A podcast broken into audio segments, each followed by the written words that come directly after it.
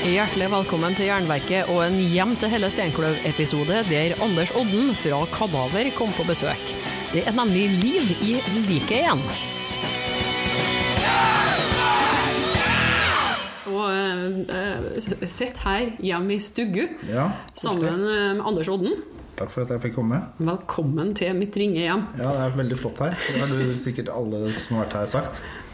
Eh, Ja, folk eh, bruker vel å være hyggelig nok til å si det. Ja. Sett pris på å få sånne Men du, du liker at folk syns det minner om hjemme hos bestemora si på før? Ja, Ja. det gjør jeg. Det, det gjør det. På den gode måten. Sånn at man føler seg hjemme, ja. Ja, ja. Her har jeg vært før, på en måte. ja. Bortsett fra at det ikke er sånn rullingsrøyk i, i, i, lufta. Ja, det skiller det seg fra. Så jeg har ikke tenkt å begynne med det heller, for det, Nei. så autentisk trenger det ikke å være. Nei, det er sant. Men fordelen er jo at da får vi et sånn behagelig bakteppe, sånn at den eh, samtalen her kan flyte av seg sjøl. Trenger er ikke å anstrenge oss. Nei, er Sitter ikke på noe sånn her ekkel backstage med folk som sprenger inn og ut og Nei, det er helt supert. Been there, done that. Ja. Men Anders, du er jo her nå eh, av en eh, spesiell grunn, og jeg vet ikke helt om vi skulle starta helt på begynnelsen, eller om du vil eh, gå, begynne nå, og så gå Ja. bakover i tid. Eh, det spørs jo, vi kan jo Kanskje vi skal starte helt på starten. Ja, vi kan starte på starten. For eh, rundt 88 så starta jo du et band, Ja. Når du fortsatt bodde i eh, Østfold. Da startet jeg Kadaver, og det var eh, eh, mitt første si, forsøk på et seriøst band. Jeg var da 16 år. Da hadde jeg allerede hatt faktisk fire band, eller fem band før det, forsøk. Men eh, Kadaver ble på en måte min inntreden i musikkverden med litt mer egenart og seriøsitet, og etter hvert uh, plateutgivelser og turneer og sånne ting. Så før det så kan jeg jo si at jeg hadde noen andre band, men eh, det er på en måte Kadaver det starta med for meg på ordentlig, da. Hvilken gjeng var det du fikk med deg den gangen? da? Altså, Den gangen så var man jo avhengig av å finne folk som på en måte likte den samme musikken som seg. Og det var jo på en måte problemet forut for Kadaver. At jeg hadde Jeg bodde i Råde i Østfold. Og det var et par stykker i, i sånn utvidet nabolag som likte mye av den samme musikken som meg, som var da den tyngre hardrocken og mer ekstreme musikken som fantes den gangen. Men når jeg på en måte gikk all the way til å begynne å like ja, Metallica, Slayer og Celtic Frost og Venom og alle disse tingene, så ble det færre og færre rundt meg som på en måte hang med i svingen. Så jeg fant eh, de gutta som ble med i Kadaver i Fredrikstad. Um, og han trommeslageren Ole Bjerkebakke, han møtte jeg ved at han, jeg dro på en øving med et band som han hadde som het No Name, for de klarte ikke å finne på bandnavn. Det var mange band som het No Name. Eh, og de husker jeg første gang jeg så de, så syntes jeg de låt veldig proff. da De spilte noe ACDC-cover og sånne ting. Og så eh, jamma vi, og det første vi jamma sammen, var Black Magic med Slayer. Og så tenkte jeg han her fyren, han liker ordentlige greier. Så vi hooka opp og starta egentlig først sånn Slayer, Celtic Frost-inspirert black metal-ish band som het Baphomet. Med opp ned kors og spikerting og alt. Så rakna det før vi rakk å gjøre noe annet enn rehearsal-tape. Og så var han inspirert av flere ting enn det. Jeg var på en måte veldig sånn black metal, og han var mer sånn uh, sci-fi og voivod og hardcore og sånne ting. Så vi merga det, og da ble det death metal vi gikk for. Så det ble Kadavers start, da. Og dere begynte jo ganske kjapt egentlig med demoproduksjon. Jeg så jo det var et helt lass med demo egentlig som kom eh, før de heiv ut eh, debutplata. Ja, når jeg ser på det i ettertid, så var vi jo veldig kjappe. Vi syntes jo ikke vi var så kjappe da. Var man liksom veldig kreativ og lagde nye ting hele tiden. Og så ville man på en måte vise det til folk, og så lagde man rehearsal-teiper og demoer med en gang.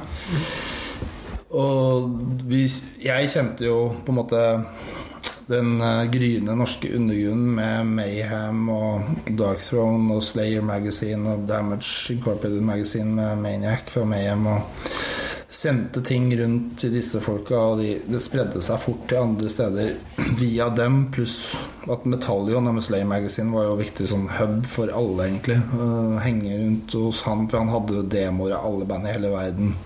Og flyers, og kjente alle disse svenske folka, så vi møtte liksom de som starta Entombed, og Tiamat og At the Gates, folka liksom Dissection og alle disse her hang rundt, så vi ble fort en del av til den skandinaviske metallscenen veldig tidlig. da Gjorde gigs med Entombed og Dissection blant annet.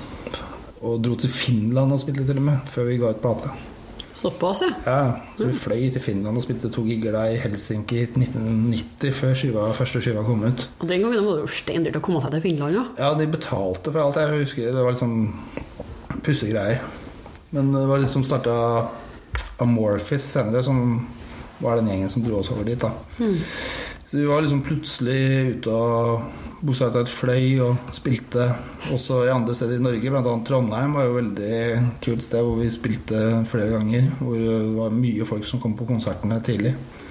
Så vi fikk eh, sånn, litt sånn flying start. Absolutt. Rett plass til rett tida. Ja. Og i 89 så kom jo førsteplata deres.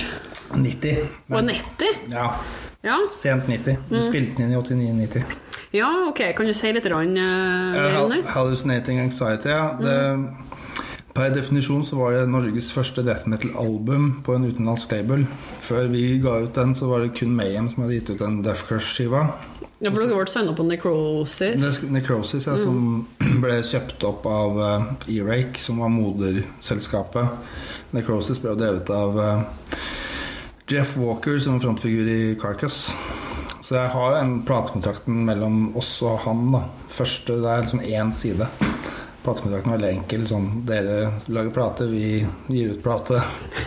Overskuddet skal deles 50-50. Eller sånn punk-rock-kontrakt.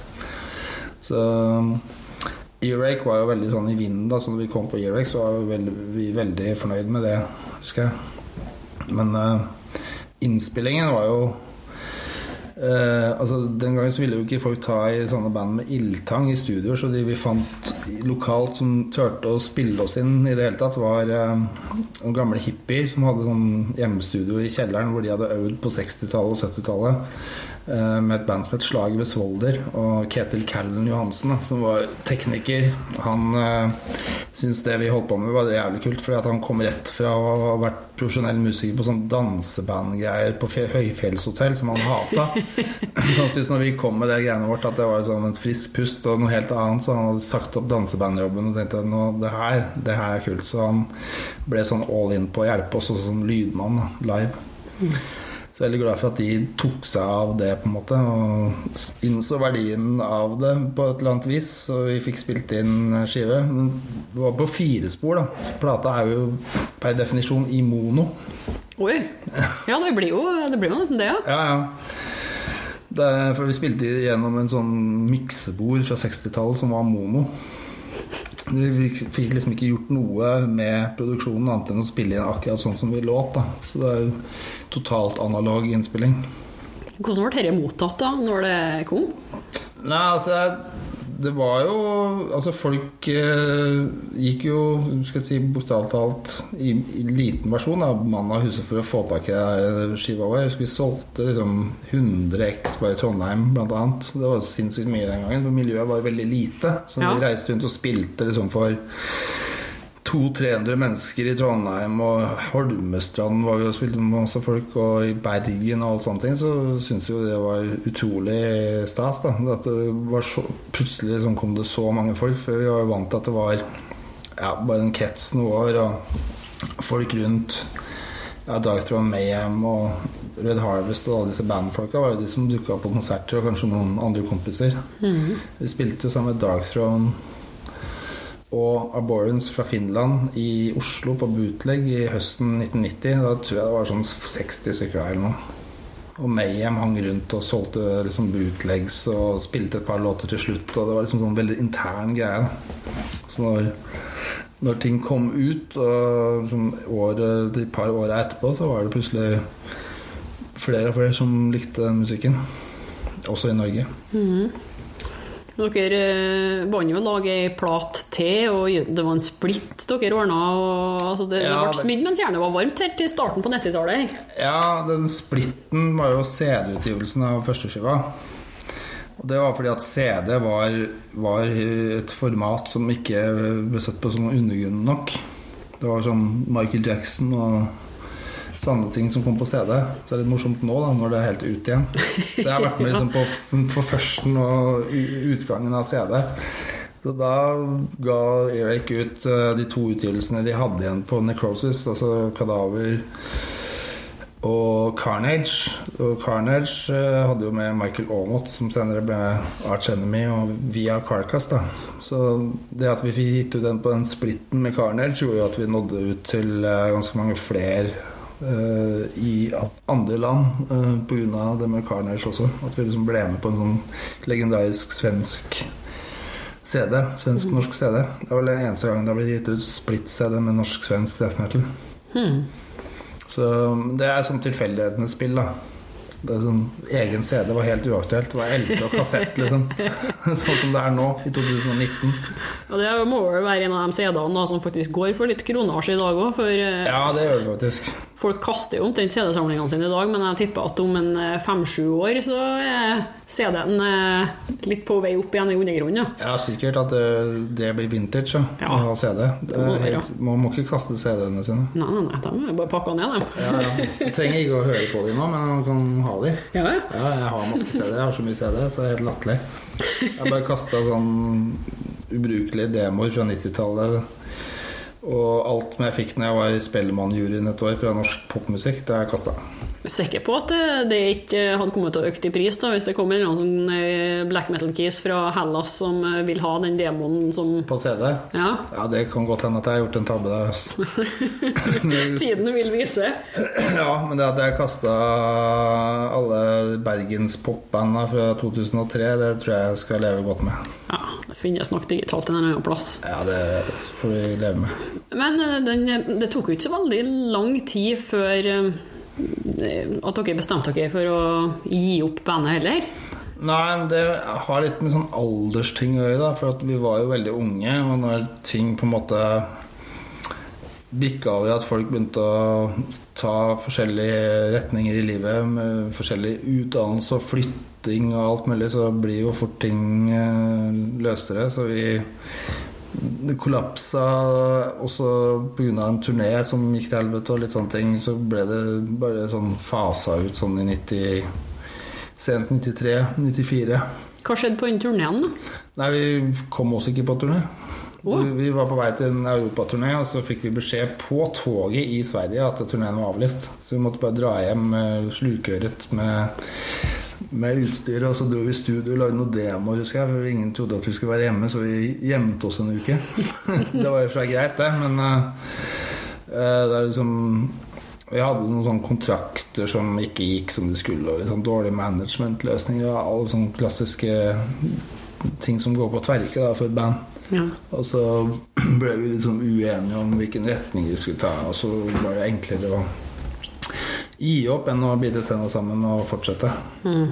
Det hadde liksom vært litt for godt til å være sant i begynnelsen, da måtte det jo gå galt til slutt. Ja, det er ofte sånn. Og så går ting veldig fort unna da, når man er ung. Man vil liksom fort videre og fort gjøre noe annet. Og plutselig er liksom det som man gjorde før, eh, barnslig og feil, og folk får liksom rare ideer. da. Så, men det, det tror jeg er det mest av det som jeg sier, for produktet at man er veldig ung. Så jeg var liksom ja, 22-23, da jeg liksom ganske desillusjonert da, som artist. Så da skulle man tro at jeg skulle gitt opp helt, men jeg gikk jo videre da, til andre ting. Ja. Så har det vært sånn opp gjennom historien at jeg, hver gang jeg har gjort noe helt annet, så har jeg på et eller annet vis blitt dratt tilbake til metallen. Ved flere anledninger. Det er jo som det som er historien nå, spoler fort frem, at jeg har funnet ut at det, det er jo det jeg ikke bare liker best, men brenner mest for og syns er gøyest å bidra med som musiker. Så det er det innfunnet meg for lenge siden nå, da, seg, men, men det er, det er det livet mitt har dreid seg om og skal dreie seg om videre. Så da får jeg bare gjøre det beste ut av det på en måte og gire opp. Og nå er jeg veldig happy med det, da. Det er jo ikke alle som på en måte fortsetter med det. Man begynte med det da man var 13 år, når man blir eldre. Men det er jo selvfølgelig på et helt annet nivå, et helt annet sted nå da, enn da. Så det henger jo på en måte sammen. Ja, men det er sånn lell at man klarer å komme seg over alle de bøygene og starte opp og slutte og starte opp og slutte så mange ganger, og så til slutt så sitter man bare og ser tilbake at oi, jeg har faktisk holdt på med det her et helt liv nå. Ja, det blir litt sånn aha-opplevelse.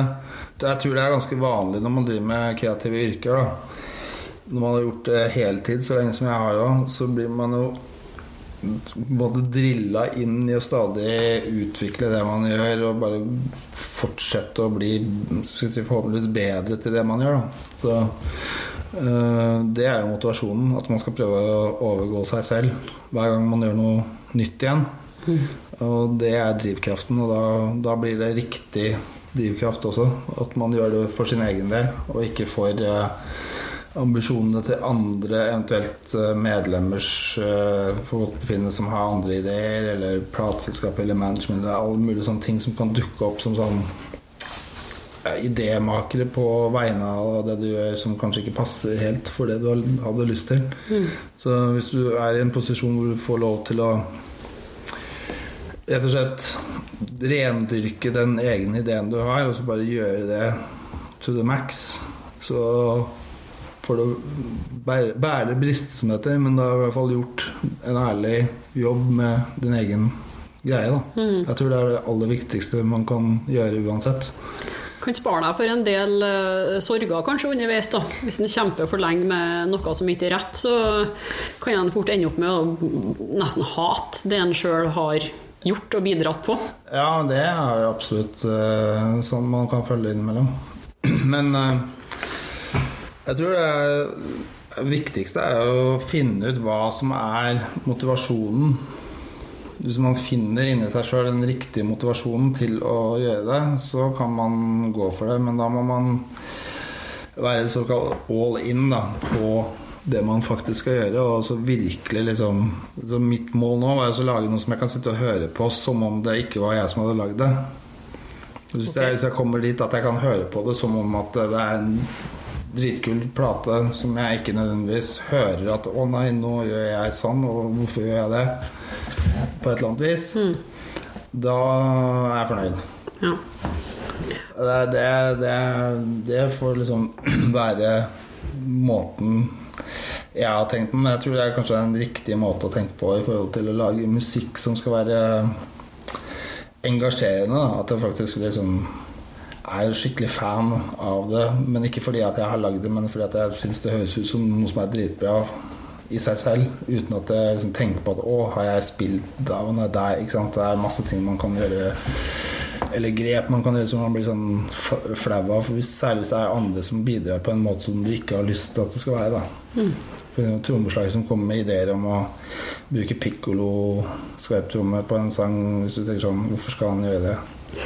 Eller det er mange sånne ting, da. Eller en sologitarist som har en idé som er sånn her Å nei, så fjernt. Eller eh, vokalting som er bare sånn Ja ja, det får bare være sånn hvis han syns det er greit.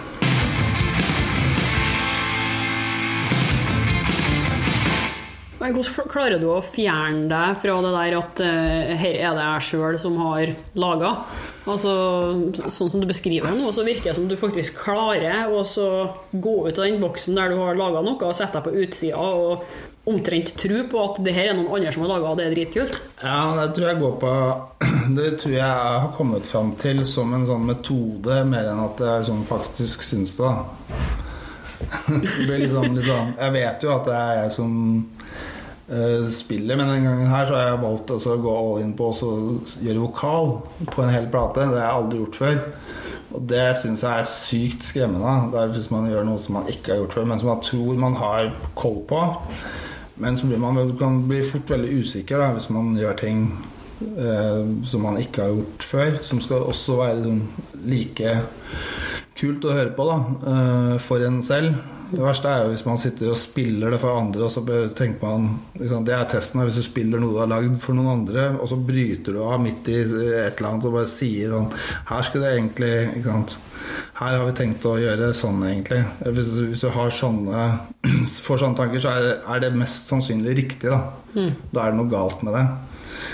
Hvis du spiller for noen og ikke sier noen ting bare sånn, tenker liksom, ja, altså, Alle liker jo ikke alt uansett, men hvis noen da sier sånn Det her er jo skikkelig, er skikkelig bra, og så, bare, så skjønner du at de har tenkt sånn Kanskje det er et eller annet med det som ikke skulle vært sånn og sånn, så blir de plutselig sånn positivt uh, overraska over et eller annet. Um, det har også med måten og man, hvem man jobber med. Hvis man jobber med de samme folka over lang tid, så får man jo det andre problemet med at uh, ting kan gå i en eller annen tralt da, som nødvendigvis ikke kanskje er så bra. Men at det liksom bare blir sånn fordi folk uh, rundt deg liksom tenker på den måten, så blir man prega av at uh, ting går gjennom nåløyet som ikke skal, det, osv. Det er mange, mange fallgruver å holde på med musikk. Det har jeg, jeg si, vært med på alle mulige fallgruver, pluss at jeg har heldigvis også opplevd alle upsides. Da. Så jeg har liksom en lang karriere bak meg og forhåpentligvis foran meg hvor jeg nå forstår mye mer av veldig mange ting som er med på å trigge at ting kan gå galt. Eller at uh, man liksom vet hvis jeg gjør sånn her, så kan det og det skje. Eller at man liksom er mer forberedt da, på på ting. Men hvis gleden for musikken er såpass sterk at det er det som er hovedsaken, så har jeg trua på at alt annet kan gå bra hvis, hvis det vil seg. Men det må alltid være hovedsaken. Jeg tror alle band som driver og tenker på det de driver med som noe annet enn at de skal lage den beste musikken, feiler, da. Hvis du liksom blir mer opptatt av logoen og image og posisjon og hvordan, hvordan turneer skulle vært, hvor, eller hvor mye honorar burde vært som det ikke er, eller alle mulige sånne ting som går galt for folk. Da. Det er mest sannsynlig og som regel alltid bundet ut i at de kanskje ikke leverer musikk som er god nok, eller passer inn i det de prøver å gjøre. Eh, så det hvis jeg gir noen tips til noen som Folk spør meg jo faktisk ganske ofte om tips. Hvis jeg sier sånne ting, så kommer ingen til å gjøre det jeg sier. Men det er i hvert fall det jeg har innsett selv. da Musikken må absolutt være det viktigste. Det er det eneste du kan gjøre som er makes a difference. da Men jeg tror de fleste har klart å gjette seg til at eh, det her handler om at det har begynt å eh, stanke av kadaver igjen. Altså ja. Kadaver er tilbake for fullt, og de har vært i studio. og Vi, vi skal komme tilbake til det, men altså, det er jo ikke første gangen eh, du har løfta opp eh, kadaver igjen heller. Det har jo litt sånn frem og tilbake med bandet. Ja, det er, noe som, det er noe med det som ikke gir slipp på meg. Som bunner mest av alt ut i at jeg, jeg har et hjemmestudio eh, og lager ting eh, ganske ofte. Spiller inn ideer og sånne ting. Det er alltid når jeg holder på med ting som er nærmest den verden, at jeg føler at jeg bidrar med noe i musikken. Da, som, som er unikt, som har en egen touch, og som, eh, som virkelig liksom, brenner for å gjøre mer av. Så jeg, grunnen til at det er sånn kommet opp og falt sammen igjen to, to ganger, eller en gang til, det er jo mitt ønske om å liksom finne Hvordan skal jeg gjøre dette her? For det, det, her, det her er jo liksom min greie. Jeg tegna jo logoen da jeg var 16 år. Jeg liksom har hele pakka. Og det ville vært helt galt av meg å tenke på det her som sånn solo At jeg liksom skal gå solo, eksempel. Det blir liksom hvordan skulle jeg gjort det, på en måte? Det er, det er konseptet med hele greia rundt, som er Kalaver. Mm. Uh, og nå tenkte jeg at uh, nå var det på tide igjen uh, å gjøre det og gjøre det på en litt annen måte. Nå tror jeg jeg har erfaring nok til også å kunne gjennomføre det over langen og kunne bidra med ny musikk og gjøre også live-ting, men altså ta litt mer med ro, ikke pushe ting Uh, nødvendigvis for hardt. Da, sånn som vi gjorde sist gang, så, så hadde vi jo uh, sånn feil sånn marketingstrategi med en plate som var veldig ekstrem. Vi hadde masse sånn ville marketingideer, så ble det litt sånn udda. Eh, så knytta vi det opp mot å turnere oss nesten i hjel. Vi dro på masse turneer. Flere steder. Også vi spilte som support da, for veldig mange uh, band. uh, større band rundt på turneer som på en måte ikke gikk uh, til et nivå hvor vi kunne følge opp med egen turné. Og jeg heller imploderte igjen fordi at det ble for mye bare la for mye press da, på feil sted. Så nå tenkte jeg at nå tar jeg det helt med ro. Prøver å lage en veldig, veldig bra plate. Så lar jeg heller det føre meg dit det fører. Og lar liksom Ambisjonene være veldig høye, men ikke, jeg skal ikke mase meg inn på en masse negative spiralprosjekter som ofte kan høres ut som gode ideer. Nå syns jeg veldig mange ting som folk syns høres ut som gode ideer, nå er dårlige ideer. da Så det er også en erfaringsting. Jeg ville ikke gjort sånn som Kanskje spille om det med Celtic Frost. men jeg var på Celtic Frost comeback-turné i USA, hvor de hadde booka 46 jobber på to måneder i USA.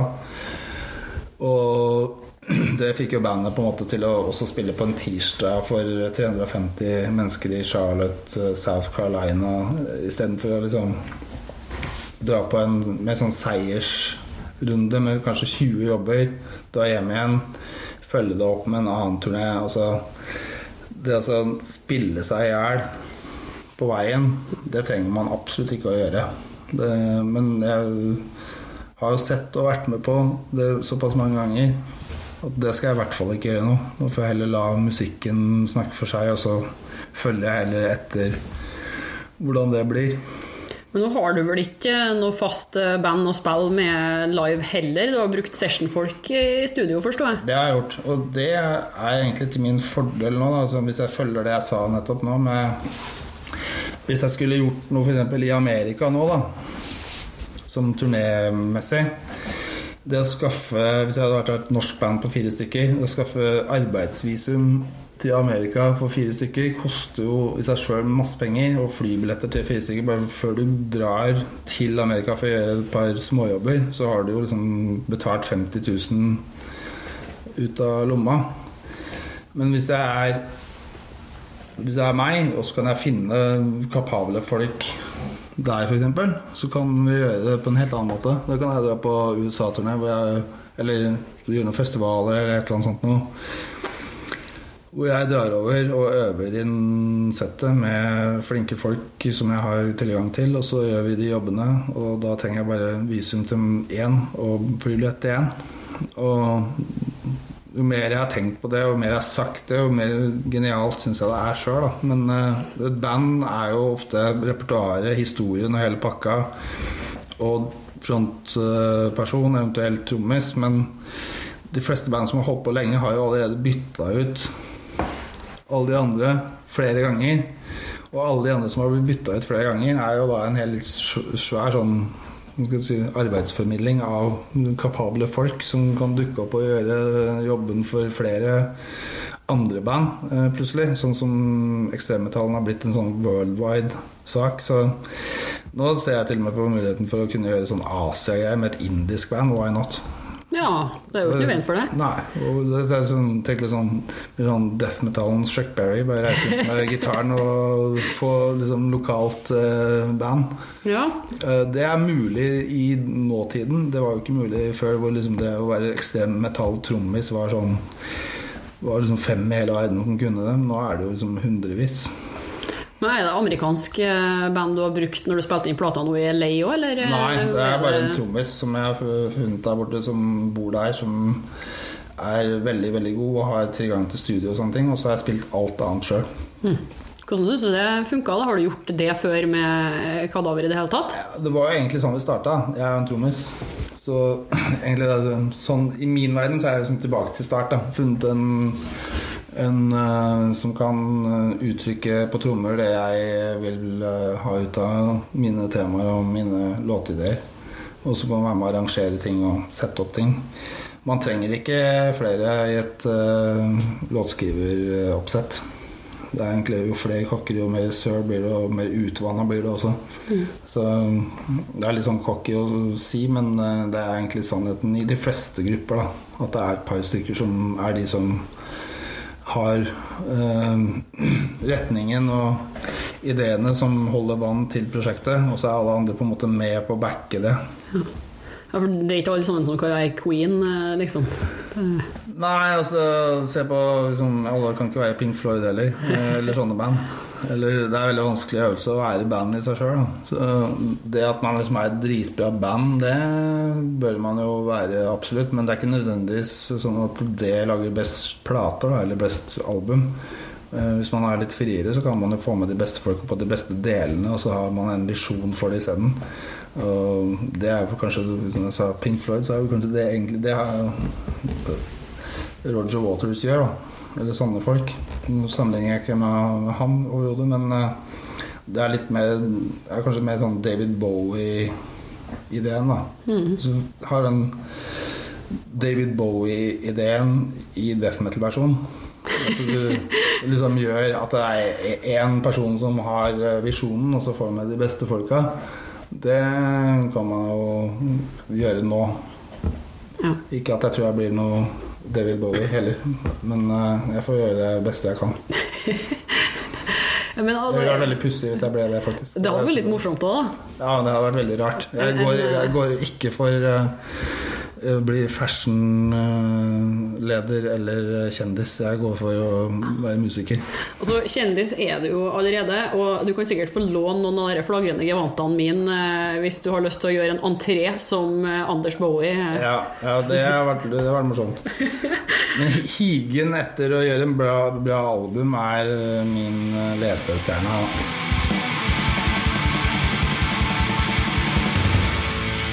Når kan vi forvente å få albumet til å høre på? da? Altså, Én ting er jo feil på turné, men eh, plata må jo komme først. Ja, nå har jeg liksom nettopp kommet hjem eh, fra innspilling. Jeg har fremdeles noen sånne eh, ting jeg skal legge på.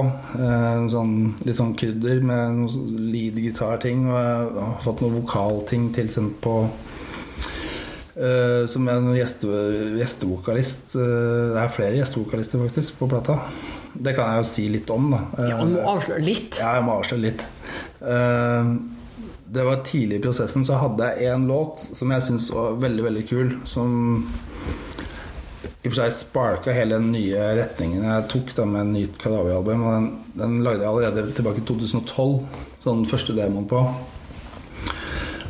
Og den het eh, Jeg hadde refrenget klart, og jeg lagde sånn Det var het 'Feed the Pigs', heter sangen.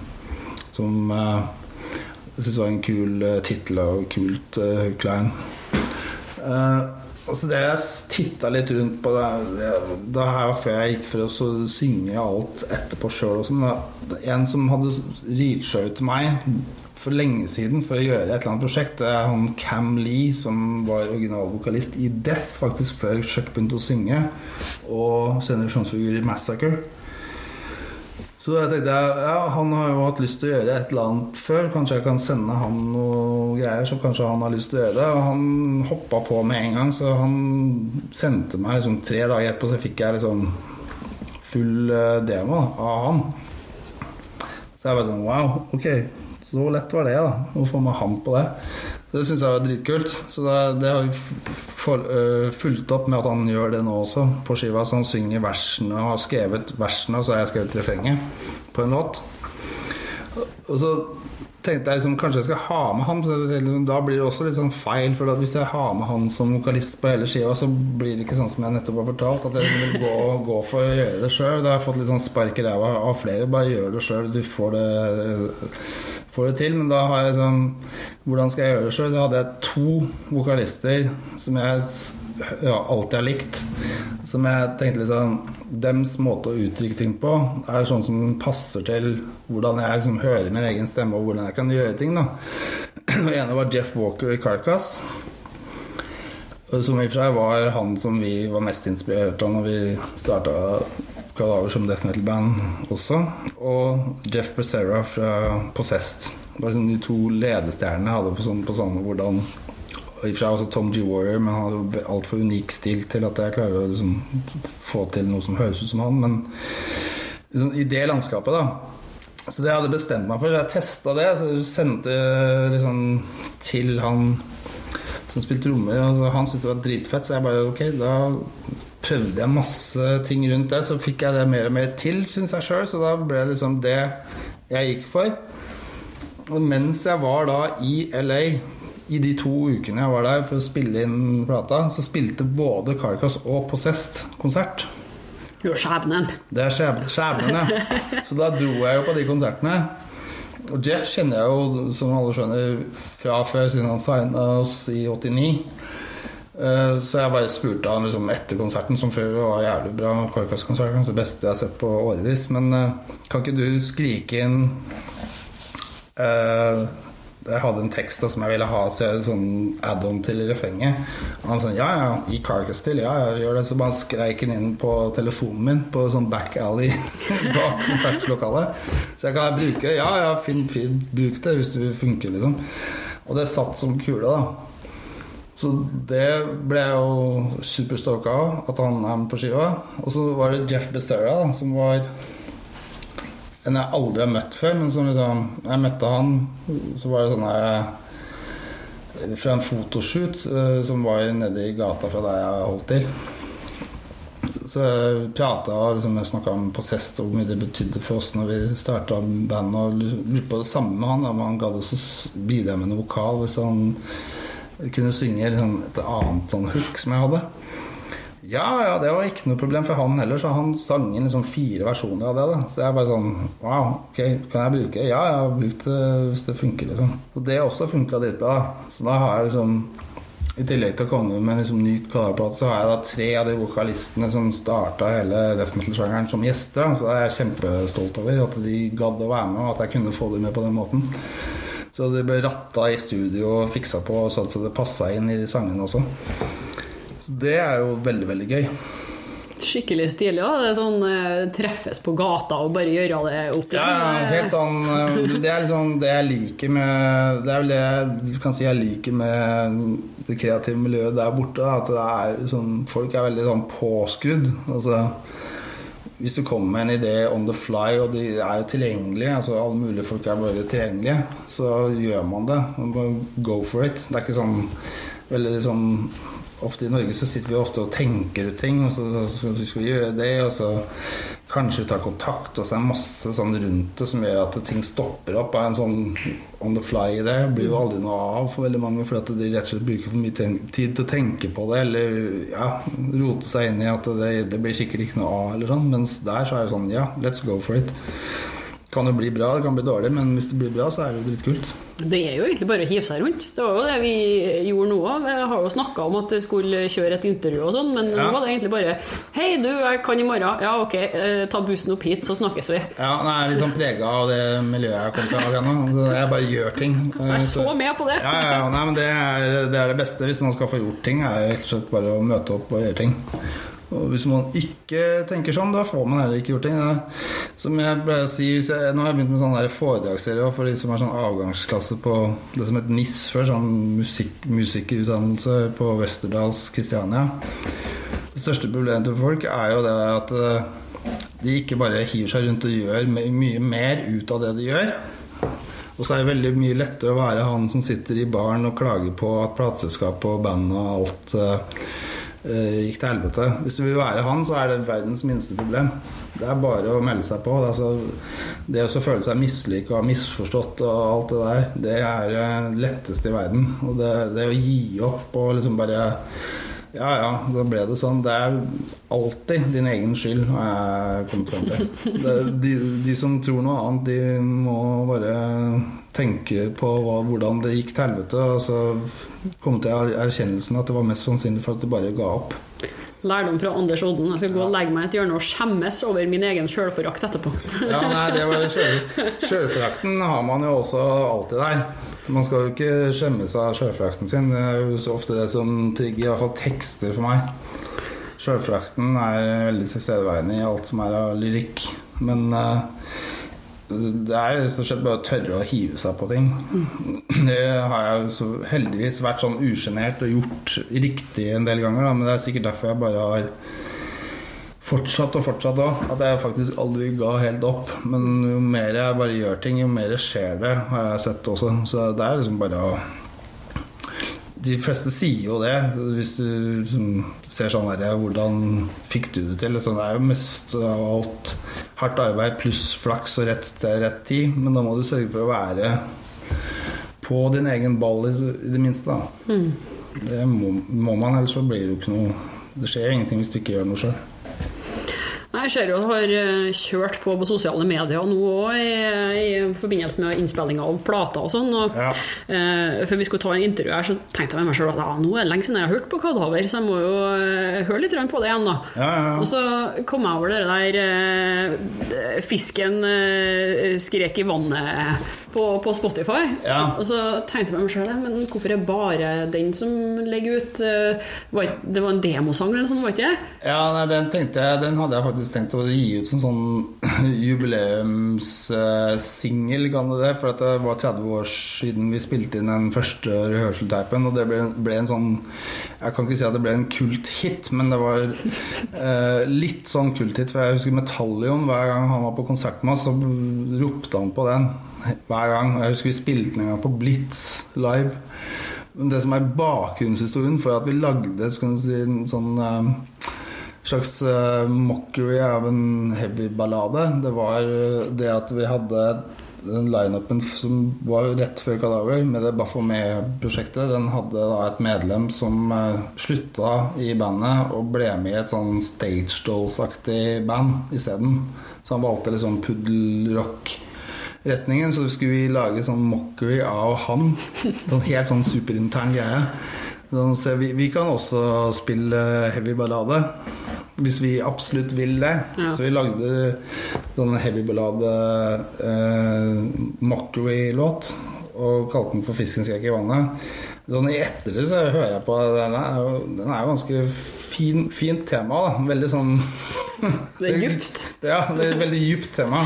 Det kunne jo sikkert blitt lag, lagd om til en seriøs sang, men det har jeg ikke noen intensjon om å gjøre nå. Men det var mest for for å vise også litt sånn humoren som eh, I og for seg eneste representant for det i norsk metal er jo da Abbat og Immortal. Er, de har klart å gjøre kunststykket og ha liksom det komiske i det hele med seg. Men eh, det er jo på en måte humoren som ligger bak alt det der mørke. Det er jo den mørk, sarkastisk, eh, spiss og tørr humor som vi på en måte alle sammen deler, men som sjelden gir seg uttrykk i musikken. da så jeg synes det var litt sånn gøy å bare kunne gi fingeren til hele det der totalt eh, selvhøytidelige, selvopptatte eller pretensiøse rundt veldig mye som er innenfor metallen. For at det, eh, hvis ikke folk har det gøy når de gjør mørke ting, så blir det som regel ganske kjedelig. Mm. Det er viktig å ha humoren med seg. Og så er det kanskje litt uh, lettere i dag òg. Uh, det er ingen som ser stygt på deg hvis du setter på ei AOR-plate etter å ha vært i black metal-studio lenger. Nei, kanskje, kanskje når du var 16, men uh, ikke i dag. Nei. Nå er ting liksom, Absolutt alt er jo annerledes nå. Hvis man ikke på en måte spiller på lag med seg selv og kan være Eh, si, den beste utgaven av seg selv i sammenhengen, så tror jeg på en måte at folk eh, føler at det er, det er det, som er fake. da Hvis du faker noe nå, så faker du på en måte helheten din. Du må tørre å være litt mindre altså Selv om du vil, vil at ting skal være mørkt, fett og mystisk, så har folk nå blitt mer vant til at de som gjør det, også har et liv. da mm og at det er greit. Og det gjør det egentlig ikke noe mindre spennende av den grunn. Jeg tror det er mer sånn pretensiøst hvis man prøver å skjule eller liksom ikke vise noe av liksom, det som er litt rundt ting. Da. For at det, det gir det et litt sånn falsk lys, syns jeg, nå. Og det er jo en vanskelig øvelse, men ser på også sånn som kjempestore band som Metallica. De har jo Jeg så nå at de ga ut en sånn rehearsal-greie fra sånn, De har sånn tuning room-greier som de plutselig slipper, eller noen plukker opp. At Lars sitter og spiller Judas Priest-låt og synger. Han synger, da. Det har jeg aldri sett før. Og så spiller de ganske dårlig på gitar. Det bare, men det, det gjør ikke noe, for det er også sånn man gjør, da. Trenger ikke alltid være perfect. Nei, folk kan kanskje litt godt av å, å se det, pluss at det er jo klink i kassa for Metallica og det å selge eh, gamle øvingsteiper og sånn utgitt på plate. Ja, ja. Nei, alle gjør det, men øh, til en viss grad. Men jeg tror så, det også kunne være litt mer mindre Jeg tror den norske metallen som oppfattes også som eksotisk uansett fordi vi er fra det landet her, og da vi gjør annerledes ting. Bare at vi går rundt i gata her med snø og sånn, er jo eksotisk for folk i andre land ennå. Det, det tar aldri slutt. At vi har det liksom mørkt, og det regner og da jeg var borte i Los Angeles nå, så regna det faktisk fem av de dagene jeg var der, i 15 dager. Oi. Og, men det blir jo sol igjen med en gang og sånn. Men når det var 11 grader og oversida og regn, da syns de som jeg jobber sammen med, at det er, det var grusomt kaldt. Og helt sånn Å nei, hva tror du om det her stedet nå? Jeg var sånn Altså, jeg er hypp på å jobbe i studio, men det været utenfor nå er helt sånn standard norsk høstvær. Plager meg veldig lite. Eh, og liksom sånn, For de så var det helt sånn eh, stillstand. Og det sier litt om De liksom stopper bilen bare for at det er en sølepytt, liksom. Det er sånn Vi er jo vant til sånne ting selvfølgelig hele tiden. Det er jo sånn eksepsjonelt at det var så godt vær i fjor sommer, men det kommer sikkert vi til å huske hele resten av livet vårt. Men eh, der borte er det sånn helt krise, da, hvis det er, er liksom litt regn, sånn normalt regnvær på morgenen. Er bortskjemt, de da, sjø. De er bortskjemt, ja. Det er derfor det fortsatt lages bra musikk her, og ikke kommer så fryktelig mye bra fra LA lenger. Nettopp. Det er det jeg tror du tenkte òg. Det er enda godt at de har noen sånne dager hvor de kan sitte inne og fryse og lage noe ordentlige greier.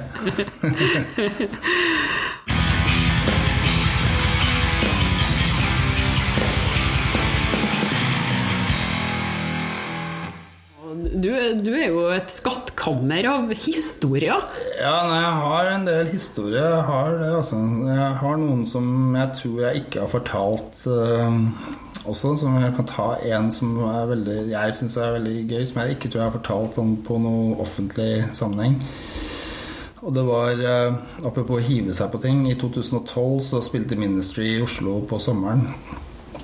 Og så hadde jeg blitt kjent med de seks år før. Men jeg, jeg kan ta sånn hele historien. Men greia var at det, hun, kona til Al Jørgensen sa på en måte i en sånn bisetning Ja, hvorfor kan ikke familien din komme på juleferie til oss?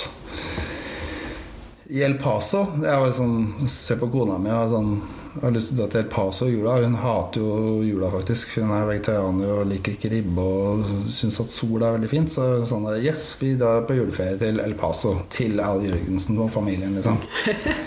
Så fulgte jeg opp det her, for det er veldig sånn amerikansk å være sånn der på tilbudssida, men så er det liksom at det faktisk skal skje, er noe du må jobbe litt for, da. Det har jeg jo lært meg etter hvert. Det er jo, sier jo ja til alt, men det er ikke nødvendigvis riktig. Så vi, vi sjekker liksom utover høsten. Ja, jeg kom på juleferie da og da. Da har vi ting klart, og vi kjøper billetter, og bidrar til El Paso. Og da blir det jo sånn at eh,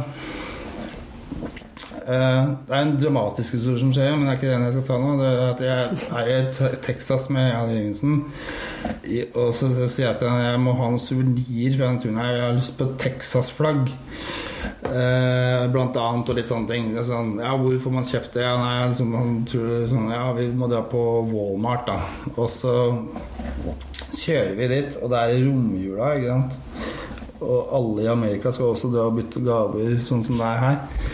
Eh, Så det er jo helt mania og utrolig lite parkeringsplasser eh, å få nært eh, inngangen. Han, men han guider meg, for jeg kjører bilen. For han drikker jo faktisk hele tiden hver dag. Jeg vet ikke om han gjør det nå, men han gjorde det da.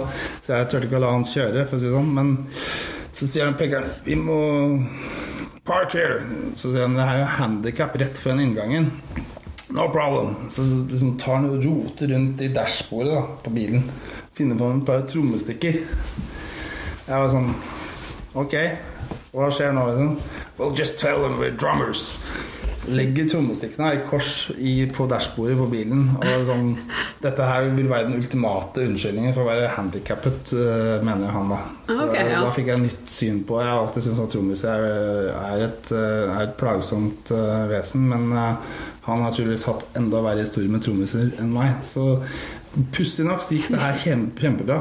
Vi var sikkert inne og rota og fant det flagget. Jeg brukte en halvtime på det. Når vi kom ut igjen, var det ikke noe bot. Så Parkerer du på handikap, så kan du da legge trommestikker i Det vil da være som å ha sånn handikapskilt. Trommis av en cappa gjeng. Ja. Ja, ja. Det er, eh, det er konklusjonen. Vi får uh, se om noen kan gi tilbakemelding etter å ha hørt den podkasten og se om det funker i Norge òg. Jeg har ikke turt ennå å teste det ut sjøl, men jeg anbefaler folk å teste det hvis de kan sitte ved siden av og se om det kommer en parkeringsvakt som anerkjenner trommestikkene som handikapskilt. Det, det har jeg til gode å prøve å finne ut, men eh, folk kan jo prøve sjøl. Ja.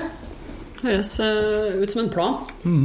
Jeg kom på bare et kort eh, spørsmål før vi skal gasse oss i julerester her. Eh, jeg, jeg kom til å huske på altså når, jeg, når jeg leste, så huska jeg det.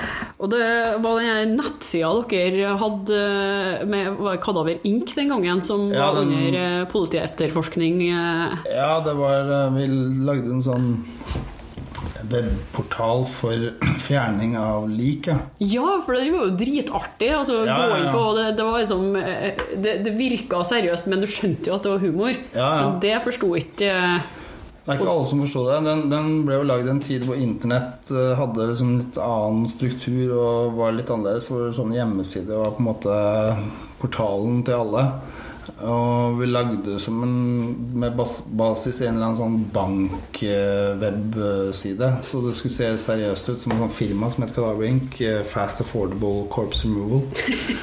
Og én ting som vi hadde der som faktisk var ekte Det var to ting som var ekte som folk kunne oppfatte som ekte. Det var at du kunne ringe et sånn 1-800 bodybag-nummer som plateselskapet Erake faktisk kjøpte. Så det var et sånn reelt nummer som gikk til en svarer som var sånn seriøs. Leave your name and number. Det, det har jeg faktisk opptak av masse folk som har lagt inn eh, bestillinger. Sånn seriøse Ja, altså, bestillinger. noen, noen som høres seriøse ut, som sikkert er kødd eller et eller annet. Og så var det også på, på sentralbordet til Eric i New York, så var det en linje. Så når du var på kontoret og noen ringte der, så var det en på kontoret som tok telefonen og sa at det var Cadaver Incorporated. Det var noen som la på, da. Som testa det nummeret. Så det, det var faktisk sånn ekte Altså Du ville følt det var ekte når du ringte. Den andre tingen som var, ga en del pussige utslag, var at du kunne øh, skrive inn eh, sånn jobbsøknadsskjema og trykke 'submit'. Stemmer det. Og der fikk vi jo også bare sånn, sånn tre, fire, fem som virka veldig seriøst interessert i å jobbe med det her. Som var sånn Jeg har vært Navy Seal og sånn, er veteran, for jeg har sett mye rart, og jeg kan godt tenke meg hvordan det er betalt og sånn. Folk som helt tydelig liksom, leter etter jobb, da. Som godt kunne tenke seg å være sånn corps removal guy. Det som var veldig rart, er at etterpå så fant jeg at det finnes jo sånne firmaer i f.eks. New York som driver med opprydding av eh, lik, altså folk som har daua i leiligheter og hus uten familie. Som faktisk går inn og gjør det vi sa vi skulle gjøre. Og renser et helt hus. eh, Skal si, folk som har dødd og stinka ned nabolaget sitt. Eh, Så egentlig så kunne vi jo faktisk eh, Og jeg bodde i New York, da så kunne vi faktisk bare starta et sånt firma som het Cadaver Incorporated, som kunne vært sånn biohazard-firma som kunne, kunne vært sånn litt sånn som det er i Breaking Bad, når de har den runden hvor de lager meth i de der husa som er sånn øh, angrepet av skadedyr. Der har de en kropp som de løser opp i et et Ja, de gjør jo masse sånne ting i Breaking Bad. Altså, jeg vet ikke, altså, jeg vet ikke han tviler på at han i Breaking Bad som har skrevet den serien, har vært borti det her, men uh, vi, hadde, vi hadde nok en del gode ideer da, som vi egentlig bare walked away from. Da. Som hvis man hadde vært interessert i Det er jo ganske ekstremt, da, men det fins faktisk sånne filmer. Men altså, der har du jo karri karriereveien hvis det skulle gå galt med musikken. Og sånn Ja, plutselig det etter alle. Folk slutter jo ikke å dø, og det blir jo flere folk i verden som sikkert vil dø ensomt. Det, dessverre. Ja, så det er sånn, sånn rising market. Det er bare å hive seg på hvis man har eh, liksom, Alt går til helvete, så kan man alltid drive med begravelse. Å, gud a meg. Ja. Jeg vet ikke om det Ja. Den tid vil vise. Den tid vil vise. Vi skal alle dø. Ja. Eh, Og med det, Anders, så syns jeg vi har fortjent julekakerester. Eh, Det. Det får ikke lytterne være med på. Nei, og så skal du få en liten smakbit av plata også. Yes! Det får ikke dere. Nei, det kommer ikke- senere. Det kommer senere. Ok, men eh, takk for at du kom opp eh, hit. Yes, bare hyggelig. Så får vi vel eh, høre det når eh, det kommer ut platt. Det må vi få til. Du har hørt et intervju med Anders Odden fra Kadaver, spilt inn i januar 2019. Neste uke skal vi høre igjen et intervju med Ghost, fra før alle visste hvem de var. Og det passer jo bra, siden Ghost kommer til Norge den 21. februar. Vi skulle jo helt teoretisk sett kunne spille på Skavlan og folk skulle mer reagere på de musikalske innebörden av det og at det bare kan gå en frekk image. Eh, och kanske få en liten negativ backlash från det. Abonner på Jernverket podkast via podkastapp, eller gå inn på jernverket.com. Legg gjerne igjen en femstjerner eh, der du har mulighet, så får vi spredd ordet. Og er du annonsør og er sugen på å nå ut med budskapet ditt eh, til det dedikerte Jernverket-publikummet, så er det bare å ta kontakt, for jeg er på jakt etter nye samarbeidspartnere. Ellers, følg med på Instagram og Facebook for diskusjoner, konkurranser og nyheter. Helle Steinklaug, det er meg. Jeg gir deg et nytt eller gammelt hardrockintervju hver fredag. Vi høres!